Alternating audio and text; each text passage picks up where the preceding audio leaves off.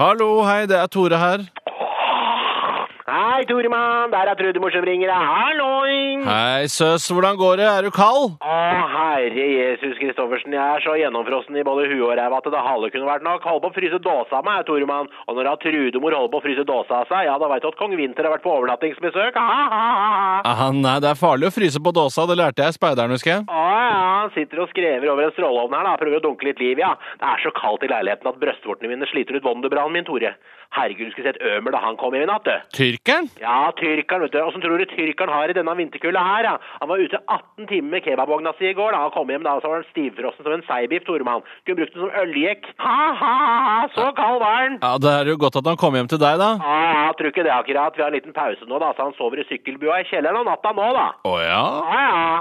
Kan jeg spørre hva som skjer, eller? Nei, det er det samme gamle, det. Rural tyrker møter det moderne norske samfunnet. Var på salg på Hense Maurits, da, så er det en lita snelle, da, som ikke har dratt prøveromgardina helt for, og da koker det over for den, da, vet du. Han kan ikke se en navlepiercing og en G-streng-trusekant uten å gå apeshit. Altså, sånn plystre- og jukkebevegelseskultur har vi ikke her i landet, sa jeg til han, men det var vanskelig å få inn i Tyrkenepa, da, tydeligvis.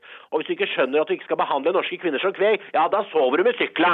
Ja, ja, ja. Og ellers, da? Skal på Beibelandet i elvetida, jobber og sliter, da, vet du. 15 15 ja. Og så skal jeg ned på Nav og bitchlappe en kundebehandler i totida, da, før jeg skal ned til kirurgen og rette på brystvorten i firedraget. Så timeplanen er nesten full, da. Planlegger et lite pille- og cocktailselskap med Anka og Jannik etter det. Men hvis jeg har pust og puls i sjutida, så kan du komme innom med en Fallback Pepsi Max og en pakke med familie der, så står det taket på bordet halv åtte, Toremann. Hvis som at du har lyst, Tore. Ja, men da kommer jeg innom, jeg. Ja, så koselig, ja. Og så, hvis du kjenner noen jenter, så har jeg et lite tips til dem. Dette lærte jeg the hard way. Ja vel?